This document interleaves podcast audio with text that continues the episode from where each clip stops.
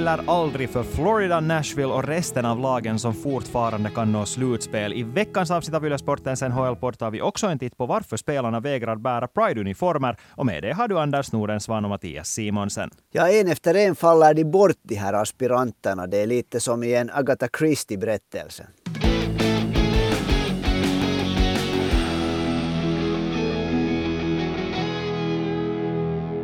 Men Anders, före vi går in på snacket om slutspelsjagande klubbar så måste vi ju kanske lite be om ursäkt av Patrik Laine för att vi kanske jinxade det här lite när vi började tala om att aj vitsi vad kiva det skulle vara om Laine skulle spela i VM. För nu gick han ju och skada sig. Jag, jag tycker nog synd om, om Laine. Det verkar som att alltid när han kommer upp hur ska man säga, en målsättning. I det här fallet så har han ju meddelat att han skulle vilja komma till VM. Så är det någonting som händer med hans kropp. Att det, där, det är nog verkligen synd. Nu är det ju av alla skador som en ishockeyspelare får så vad jag förstått det är en tricepsskada som han nu har. En tricepsskada. Och hörde du hur han drog på sig den här skadan? Han sköt Nej, i träningen. Tvärtom, Aha. han blockerade ett skott, eller han träffades ah. av ett skott. I alldeles i slutet av träningarna så sköt någon annan en puck på honom som tydligen träffade i tricepsen så att det gick sönder. Så nu är det ju nu är det ganska otroligt hur dålig tur man kan ha. Men det ska ju sägas att det är ju inte på något sätt spikat att han missar VM, utan den preliminära prognosen var att han är borta två till fyra veckor och han skadade sig förra veckans fredag.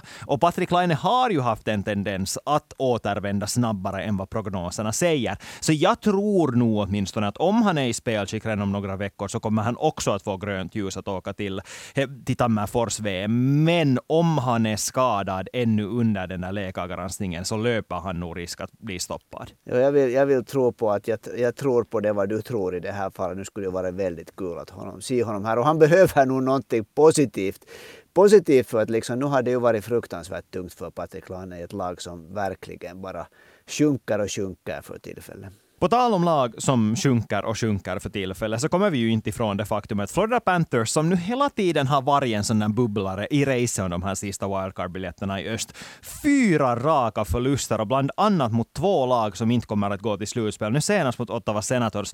Det börjar nog vara ute för dem känns det som. Ja, jag, jag, jag, jag, jag är nog av samma åsikt att det där att den senaste veckan så har det, nog, ha, ha, det här liksom skeppet vänt. Det såg riktigt bra ut för Florida. De såg ut att vara på en sån här våg av att de kunde vända jämna matcher. Men det där, som du säger, fyra förluster i sträck och helt enkelt den där viljan som fanns här ännu för, för en dryg vecka sedan att man bara liksom vände matcher och, och öste på. Så det, det där, och man ska ju kanske inte behöva vända matcher om man är ett så bra lag som Florida men det där det är nog kört tycker jag också. Det börjar se ordentligt kört ut för det. Mm.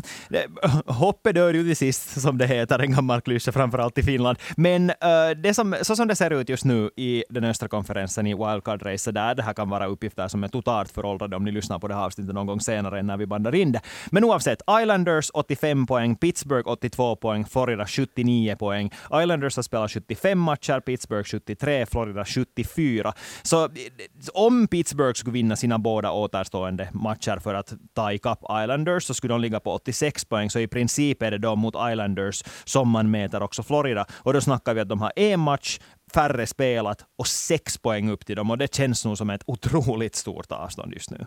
Ja, speciellt som Islanders egentligen eh, tycker jag att inte alls ser så där hemskt dåligt ut för tillfället. Nu slår de ju just det där New Jersey med, med fyra mål. Och Pittsburgh har varit jättesvajigt, det ska sägas. Att det är ju inte på något sätt garanterat att de vinner de här två matcherna som de har upp till Islanders. Men jag tycker ändå nästan att man måste utgå från det när man räknar de här sannolikheterna. För, för det var, Florida kan ju liksom inte vänta sig heller att Pittsburgh bara skulle lägga sig och förlora alla återstående matcher, utan de kommer ju att göra sitt yttersta för att hålla kvar den där luckan som är ner till dem. Och Pittsburgh, trots att de har sina problem, så är det ju fortfarande ett lag där det finns en sån otrolig vinnarkultur att jag på något sätt nog känner i min ryggmärg att de kommer att fixa det här.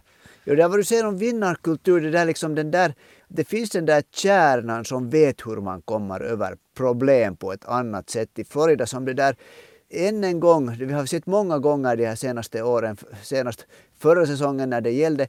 Florida på något sätt ser, de spelarna ser ut att, alltså, som de inte skulle veta vad man ska göra när det, när det riktigt gäller. Om jag ska vara helt ärlig. Liksom också, och det här gäller tyvärr nog också Alexander Barkov. Ja, jag skulle ju säga det där, för när du sa, eller nämnde den här kärnan i Pittsburgh så vet man ju direkt vem man tänker. Man vet att det är Sidney Crosby som leder, man vet att där är Jevgenij Malkin också som i bästa fall kan vara en alldeles otroligt bra NHL-spelare. Det finns en Chris Letang där också i, i backtruppen, en sån där riktig veteran-leader. Men i Florida så vet man inte, är det sen Alexander Barkov, är det Matthew Tkachuk? Jag har själv varit lite skeptisk gällande Tkachuk, men det har nog suddats ut, det har nog raderats i den här säsongen. Jag tycker att Tkachuk visar en sån här han är nog en lagspelare. Och han, det där, han har en sjujädrans vilja att vinna och han kan då också leverera.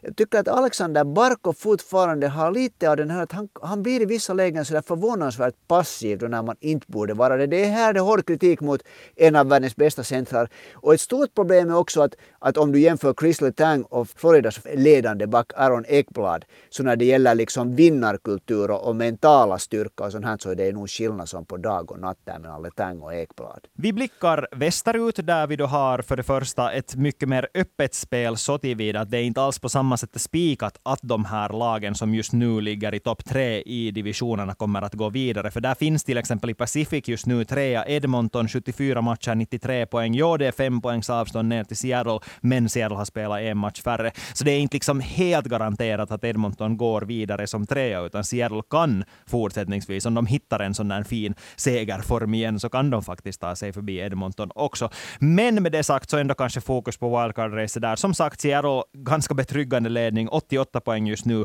Bakom dem Winnipeg som fortsätter att rasa känns det som, 85 poäng på 74 matcher. Bakom dem sen 4 poäng ner till Calgary, 81 poäng på 74 matcher. Och sen har vi Nashville med sina 80 poäng, men två matcher färre spelat än både Winnipeg och Calgary. Här igen, om vi nu utgår från att de skulle vinna de här båda matcherna som de har för att ta upp det här avståndet, så ligger de bara en poäng efter Winnipeg. Det är nog så att vi kan säga att sju, sju lag som går till slutspelet från västra konferensen, det är nog, det är nog klart. Så det är den här ena wildcard-platsen som det gäller. Och Winnipeg, eh, där är tre lag av vilka inget, inget av dem för tillfället eller på länge egentligen mer har övertygat. Och Winnipeg, Calgary och Nashville. Och det där, Nashville såg ju redan ut att kasta in handduken. Det blev en sån här liten moteffekt och de har liksom kämpat upp sig så de fortfarande hänger med där i det där racet. Men ser man på de här segerprocenterna som ju inte bara, liksom, det är ju såklart, de avspeglar ju, eller poängprocenterna ursäkta mig, de avspeglar ju det som man, som det där säsongen har varit så här långt.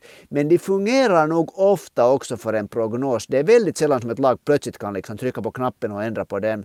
Så där Winnipeg har 57,4, Calgary 54,7 och Nashville 55,6. Så det där, egentligen så eh, skulle liksom nästan se ut som Nashville skulle ha möjligheter nog att kanske kliva förbi Calgary. Men jag orkar inte tro att de kan ta fast Winnipeg. Minns du vad Daryl Sutter sa före den förra slutspelsvåren körde igång? När det var lite samma snack om att vem kommer att knipa den jo, sista jag minns mycket väl. Han sa att det kommer att vara a waste of seven days, alltså, eller var det eight days som han sa, oavsett att det kommer att vara bortkastade för sju eller åtta dagar för att det laget som kommer att gå vidare från den sista wildcard-platsen kommer att bli svepta i den första omgången. Och även om det inte finns ett lika starkt lag som Colorado Avalanche var i fjol i den västra konferensen, just nu ser det ut som att Vegas kommer att vinna den uh, konferensen. Jag också. Central är så pass jämn där i toppen att de har spelat sinsemellan i kors och tvärs så pass mycket att Vegas har kunnat rycka lite. Så Vegas är ändå så pass mycket starkare som lag oavsett vem det är som går vidare från wildcard som sista wildcard-lag. Att det nog faktiskt löper risk att de blir svepta. Men, men jag tycker det är ändå viktigt att poängtera det här att det finns inte i väst ett sånt här lag nu som Colorado. Annars än kanske just Colorado som har börjat att se ut igen som ett riktigt topplag. Men Colorado kommer knappast att vinna konferensen åtminstone. De kan ännu vinna sin division men konferensen får de nog bråttom att vinna. Vi ska inte säga att de inte kan göra det, det kan hända. Men det där, eh, västra konferensen är nog det där, ja vi har tidigare sagt om det, det det liksom, de här lagarna är så otroligt svåra att riktigt veta att, vad är det, fåglar eller, eller fiskar. Ja, men nu tycker jag ändå att det finns de här topplagen och så finns det de där sämre bra lagen. Att det, det är liksom ganska tydligt att de, egentligen hela topp tre i Central, alltså Minnesota, Colorado, Dallas, det är, alla, det är tre bra lag. I Pacific har du också Vegas, som är ett bra lag på riktigt. Sen har du Los Angeles och Edmonton som är lite frågetecken. Samma sak med Seattle. Och de är ändå alla flera snäpp högre, i mina papper åtminstone, än Winnipeg, Calgary och Nashville. Så är det nu, men tänk bara ett par månader bakåt när Winnipeg såg ut nästan som att vara det starkaste, det näst starkaste laget i, i det där i, i hela västra konferensen. Vegas var så jätteskakigt ut jag tycker det på annat sätt än i östra konferensen så har det varit de här vissa lagen som man sett från början att de här är bra lag, de här går till slutspelet, de här blir svåra att slå. Och fortfarande så det här kanske kommer nu liksom närmast från det, om man tittar på hur truppen ser ut så tycker jag egentligen att Colorado är det där enda laget som jag tänker att när det här laget blir nog svårt att slå. Att alla, alla andra är sådana här som man vet inte alls hur det går när de sen ställs mot varandra. Mm, men nu ska vi igen göra som vi alltid gör. Några veckor kvar av grundserien. Vilka lag kommer att gå till slutspel med de här wildcard-biljetterna? Vi börjar med den västra konferensen. Jag tror nog att det blir ah, det där Seattle och Winnipeg. Seattle som du säger kan bytas ut men att det där... Jag tror nog att Seattle och Winnipeg tippar jag från västra konferensen att trots allt Winnipeg också klamrar sig fast vid den där sista platsen för att sen bli utslaget i första omgången. Eh, jag tror, alltså jag håller med dig när du sa att det är sju lag som redan är säkrat. Seattle hör nog till de lagen som redan har säkrat sin plats i slutspelet, trots att det inte är helt officiellt ännu. Men jag tror att Calgary kommer att ta sig förbi Winnipeg. För jag har sagt det hela tiden, att Winnipeg känns nog som ett luftslott. Och jag tror bara inte att de har det som krävs för att ens gå till slutspel. Men oavsett, så det laget som går med den sista wildcard-biljetten har nog inte någonting att hämta där. Fyra poäng mellan Calgary och Winnipeg och matcherna tar slut nu. Det, det är inte lätt att ta fast. Ja, men inte kan jag hålla med dig heller. Nej, det är sant. Okej, okay, men den högsta konferensen då? Nu är det lite tråkigt att säga, det blir nog inga förändringar där heller. Det, det är Islanders och Pittsburgh som tar, tar wildcard-platserna just. Mm, och bara för att inte igen hålla med dig så tror jag att Florida petar bort Islanders. Efter fyra raka förluster nu det där och kanske inte bästa stämningen i omklädningsrummet för tillfället.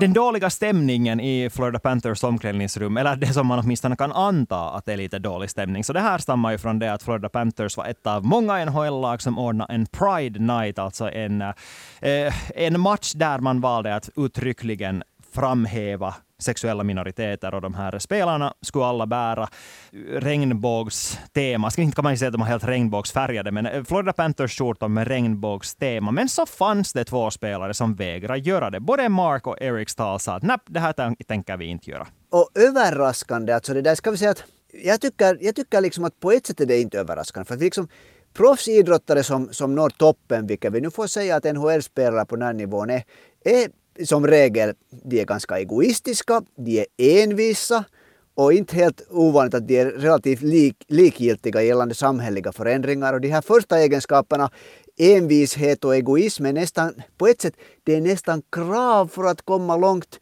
i idrott. Och den sista är, blir lätt en bieffekt. Man har satsat så hårt på idrott och leva den egna bubblan att, att det blir liksom läsande och studier kanske blir lite ogjort. Det här är nu stereotyper. Det finns alltid massor med undantag. Men så här som är stereotypiskt. Att det är på ett sätt lite naivt att tro, tycker jag, att toppidrottare ska vara empatiska toppmänniskor också. För att liksom, samtidigt säger man alltid att nice guys finish last.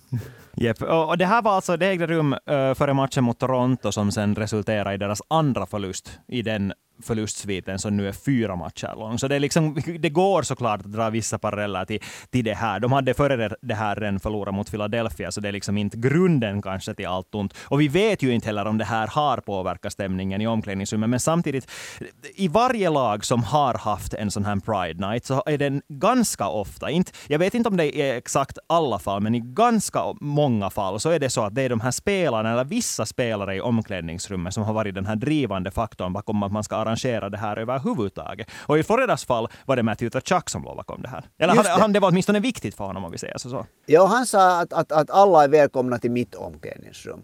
Och det där, just när vi säger att, och nu måste det här ju påverka stämningen i ett omklädningsrum. Och det blir så att en kille kommer ut och säger så här och så andra, andra liksom två sådana här veteraner nobbar totalt det här. Så, naps, det här är inte för oss.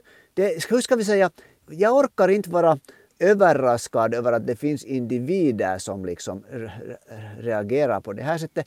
Men det som jag är överraskad över att när NHL är liksom, och NHL-klubbarna, ägarna, att där är viljan att kontrollera allt på en närmast komisk nivå, det vet vi. Det har vi själva mm. också sett.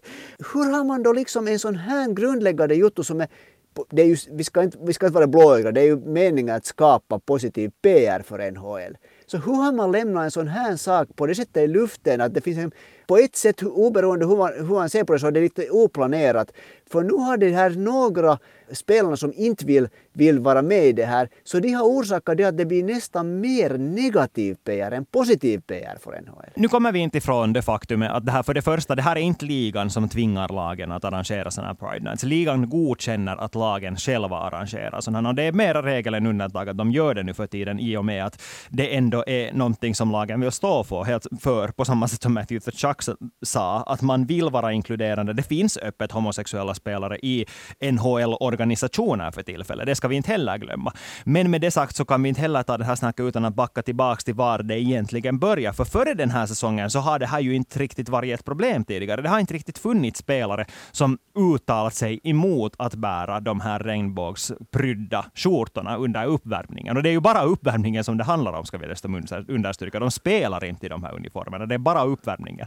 Så det börjar ju egentligen med det att Ivan Provorov sa att han inte tänker bära den här tröjan. Och det skapar en eh, lite så här skismer innanför Philadelphias omklädningsrum i och med att det också där var uttryckligen vissa tongivande spelare som stod bakom det här initiativet. Och de spelarna blev ju såklart inte värst glada när Provorov sen sa, och då i det skedet, viktig poäng, hänvisar han till sina religiösa övertygelser. Och det är ju såklart, det finns religionsfrihet och alla har sin rätt att tolka sin religion på det sätt som de vill. Och Ivan Provorov då, som är katol, eh, inte katolsk, ortodox, så menar då att han inte kan, kan bära en tröja med, med regnbågsfärger på. Och det här är sen någonting som tog en liten konstig twist, för det var många andra ryska spelare som efter det här vägrade att bära den här tröjan, och till och med gick det så långt att vissa lag helt och hållet ställde in sina Pride-kvällar. Och sen efter det gjorde Athletic en eh, granskning i princip, där de hade talat med de här ryska spelarnas agenter, och de här agenterna menar sen i sin tur att det här skulle handla om en säkerhetsfråga. Att det skulle vara så att de här spelarna är rädda för sina familjemedlemmars säkerhet i och med att de här äh, lagarna som är anti-homosexuella eller antisexuella minoriteter i Ryssland är så pass strikta nu för tiden att de skulle misstänka att någonting skulle hända åt sina familjemedlemmar. nu kommer vi igen tillbaka till det här att det där att hur pass, ja jag vet, vettigt är inte ens rätt ord, men det är att, att, det att, att NHL utan att blinka låter alla ryska spelare spela vidare i NHL, inte reagerar egentligen på, no, på något sätt att, att Alexander Ovechkin fortfarande har, har Putin på sin Instagram-profilbild. Så det här, hur man än vrider och vänder på det så ser det ju lite ut som att det är liksom Ryssland som styr. Det var vad som händer i NHL det här är att, att liksom dra, dra ganska raka linjer här men det där, inte kommer man ifrån en sån här känsla av att väntas nu, vem är det som, var finns NHL? Finns det i Nordamerika eller finns det i Ryssland? Alltså nu måste jag ändå säga att jag håller inte riktigt med, alltså ja, jag håller med dig om att Ryssland har alldeles för stor makt, eller de ryska spelarna har alldeles för stor makt i NHL med tanke på världsläget. Men just i det här fallet så är det här bara en bortförklaring, för vi har en massa ryska spelare som ändå har burit de här Pride-skjortorna också. Vi har dessutom inte bara några sådana anonyma namn, utan stora namn. Till och med sådana som har eh, hört eh, liksom till den här nationella eliten som också Putin har hyllat. Vi snackar Jevgenij Malkin hade inga problem att bära en sån skjorta när Penguins hade sin Pride Night. Sergej Bobrovski hade på sig den här uppvärmningströjan när bröderna Stahl vägrade göra det. Och inte har någonting hänt vad oss veterligen, eller någon veterligen till deras familjemedlemmar. Att, att det liksom det att man väljer att bära den här tröjan, så det har antagligen bara att göra med antingen då uppriktigt religiösa orsaker, som då för till exempel, det kan vara Provorov riktigt vad det är, och också James Reimer, målvakten i San Jose Sharks, som sa att han inte tänker göra det, och efter det då Stahlbröderna som också hänvisar till, religiö, till sin religion mer än något annat. Men så finns det sådana som tycker att den där hockeykulturen, framförallt, eller överlag kulturen i Ryssland, är ju otroligt homofobisk. Och att det kommer liksom från det att de där spelarna har vuxit upp i en miljö speciellt inom sport överlag, där det är väldigt homofob stämning i vårt östra grannland. Men just med tanke på det vad du sa om det här att, att, att, att inte hade råkat ut Tepe Malkins familj, vad vi åtminstone vet får något problem i det där i Ryssland i och med att han hade på sig den här Pride-tröjan. Så, så det gör ju det ännu mera på något sätt vanskligt att, att, att, att Chicago skippar hela den här uppvärmningen därför för att skydda sina ryska spelare. Nu är det ju inte vet jag hur man ska... Det är ju helt vansinnigt. Men där tror jag också att det är ett beslut som har tagits i omklädningsrummet. För nu kan vi inte heller på något sätt komma förbi det faktum att vi snackar om ett omklädningsrum där alla spelare sist och slutligen ändå spelar för varandra. Att om vi snackar nu om en situation som till exempel, inte bara i Chicago, utan New York Rangers också. När det kommer fram att vissa spelare säger att hej, att jag är inte bekväm med det här, jag vill inte göra det här, så tror jag nog att tröskeln är överraskande låg för resten att bara säga, eller ska vi säga ur vårt perspektiv överraskande låg, för de här spelarna att bara säga att nej, okej, okay, vi vill inte göra er obekväma, vi står samman som ett lag istället för att lyfta fram, lyfta ut vissa enstaka individer. Och jag tror bara att den viljan är så stark att det inte, liksom, att det inte går att dra med stora penseln där. Och då kommer jag igen tillbaka till det här som jag bara inte varken sig kan förstå eller godkänna. Det här att när en NHL-klubben det där är en, en, organisation som du ska, om du ska få en intervju av en, en, en spelare eller en tränare av en NHL-klubb som till exempel kommer till Finland så får du hålla på ett halvt år och jobba för att få tio minuters tid att de sen inte har kontrollerat en sån här sak med laget i förväg, före de börjar marknadsföra att hej, på lördag är det liksom Pride-kväll, välkommen alla och så, så det där skippar de i sista minuten att, att ha kommit ut med det där med, med skjortor, med Pride-skjortor därför för att de har haft någon omröstning i det där i, i, i, i det där omklädningsrummet om vi lite karikerar så där. Igen kommer jag tillbaka till det att hur kan man lämna sådana här saker liksom så där i luften att vem, vem har bär ansvaret? Och varför är den där kontrollen så dålig och så dåligt planerad på, på den här nivån? Liksom? Och, och det där håller jag med dig till 100 procent. Det är alldeles otroligt slarvigt av lagen att inte utreda det här intresset på förhand förrän man går ut med den här marknadsföringen. För det har vi ju sett nu flera rubriker om, eller intervjuer med personer som hör till en sexuell minoritet, som är ett fan av de här lagen, som sen i sista stund har avbokat. Alltså de har ju varit helt förkrossade. För för dem, vi kommer inte ifrån det, det här är så otroligt viktigt viktigt för dem att känna sig inkluderande. Så nu, inte kommer vi ju liksom ifrån det att det här är jätte, jättedåligt av klubbarna, eller jättedåligt skött av klubbarna. Det håller jag helt med om. Men för att avsluta det här snacket på en positiv ton så vill jag lyfta fram det. Det är många nu amerikanska, nordamerikanska NHL-reportrar som har följt med det här väldigt noga i och med att de är väldigt upprörda också över det här sättet som klubbarna har hanterat det.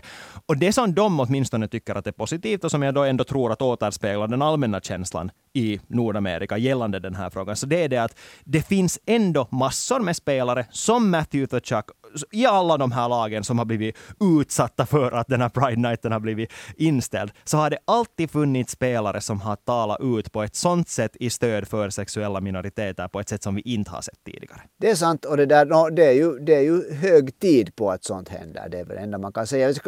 Brian Burke som är en verkligt stor profil, han har varit general manager i Toronto, i Vancouver, nu är han högsta chef i Pittsburgh Penguins och han kom ju ut med ett sånt medlem sa att, att det här gäller ju inte att ni behöver liksom uppmuntra människor att, att, det där, att, att höra till sexuella minoriteter. Utan det här är ju ett tecken på att vi vill säga att alla är välkomna till NHL. Och nu är det ju en fruktansvärd värld om man inte vill välkomna människor.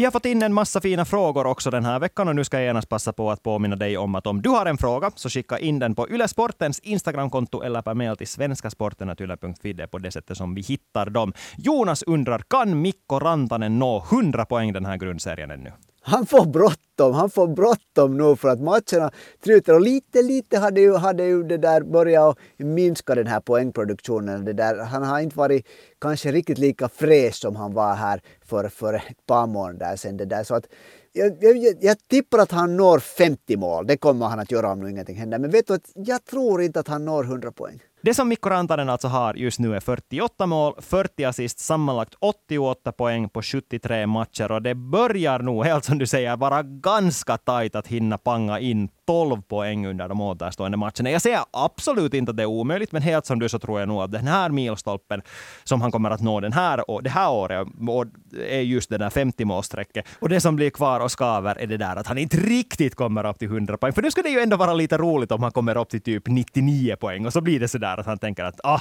no, nästa säsong då ska jag komma upp i 100.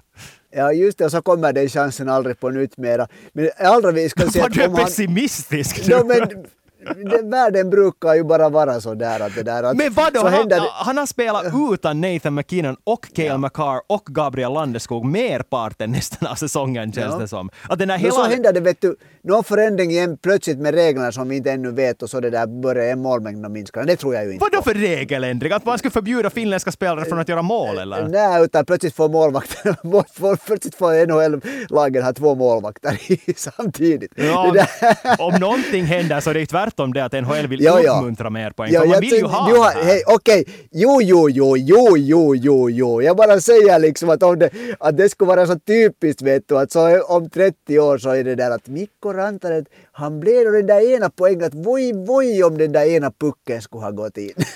ja, det är möjligt. Det är möjligt. Jag blev lite upprörd här. Okej, okay, nästa fråga. Simon undrar, kan Connor McDavid nå 70 mål? No, det här kommer igen till samma sak. Jag tycker också hans måltakt har lite det där, lite nu på något sätt blivit bromsat ner. Han, är upp, han har 60 mål nu.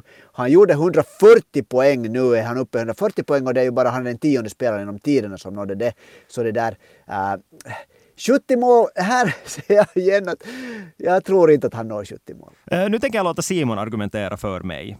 Han lyfter fram att motståndet som återstår är två gånger mot Anaheim Ducks, två gånger mot Los Angeles Kings, två gånger mot San Jose Sharks, sen också en match mot Vegas och en match mot Colorado. Men nu kan han, om han vill det, så pangar han nog in ett hattrick per match nästan mot Ducks och Sharks. Det, det skulle, nu skulle det ju vara kul. Att det, nu skulle det vara liksom på, fast, fast jag emellan blir äh, enerverad över att det är så mycket, otroligt mycket individfokuserat. Men såklart de här största stjärnorna, nu är det ju härligt att se att det lyckas. Nu skulle det ju vara fint det där om någon skulle göra 70 mål och det har väl ingen gjort sedan den där säsongen då Teemu Selänne och Alexander Mogolny gjorde 76 mål var. Eh, sen har Sebastian en ganska intressant fråga tycker jag. Eh, han lyfter fram en lång motivering här. I ett nötskal, om vi nu ska sammanfatta det kort, så handlar det om att vem är den här generationen, eller av de aktiva spelarna, så vilka målvakter är sådana som man ännu om 10, 20, 30, 40, till och med 50 år kommer att blicka tillbaka och titta på den här eran som den eran då hmm, och hmm spela som målvakt. För det har ju alltid funnits sådana. Han lyfter till,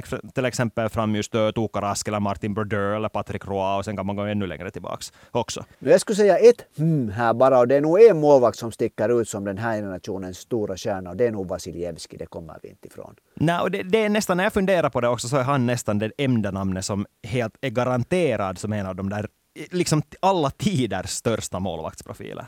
Det diskuteras ju nog liksom de här nordamerikanska det där, eh, uh, NHL-bevakarna så de diskuterar att, kommer, att kommer Vasilevski att höra till den här samma lilla, lilla elitgruppen som då just Patrick Roy och Martin Brodeur och uh, Dominik Hasek när han liksom slutar. Att han, att han är på den nivån. Han har sina två titlar ren och han har ju visat just det här till exempel hur han var, varit i avgörande matcher i slutspelet. Så jag kommer inte ens hur många matcher i sträck han hade hållit nollan i den där avgörande matchen. Från 2010-talet lyfter Sebastian själv fram två namn som redan har lagt av, Tuukka Rask och Pekka Rinne, och också två aktiva, Jonathan Quick och Mark-André Fleury. Och det stämmer nog att om man bara tittar, om man isolerar 2010-talet så är det de här målvakterna som man kommer att tänka på. Men om vi då blickar framåt och kommer vi att sitta här år 2073 och fundera på vilka var de stora målvakterna då. Så det känns nog ändå nästan som att man inte kanske ändå lyfter upp dem heller. Nej, och sen det där, om, det nu det där, om, om det finns några svenska lyssnare så blir de ju nog ganska det där irriterade över att du inte nämnde Henrik Lundqvist. Men ser du, för jag tycker nästan att man måste vinna Stanley Cup för att få vara med på den här. Eller inte, inte bara få vara med, utan man minns ju inte riktigt de här målvakterna som aldrig vann Stanley Cup. Men då måste ju nog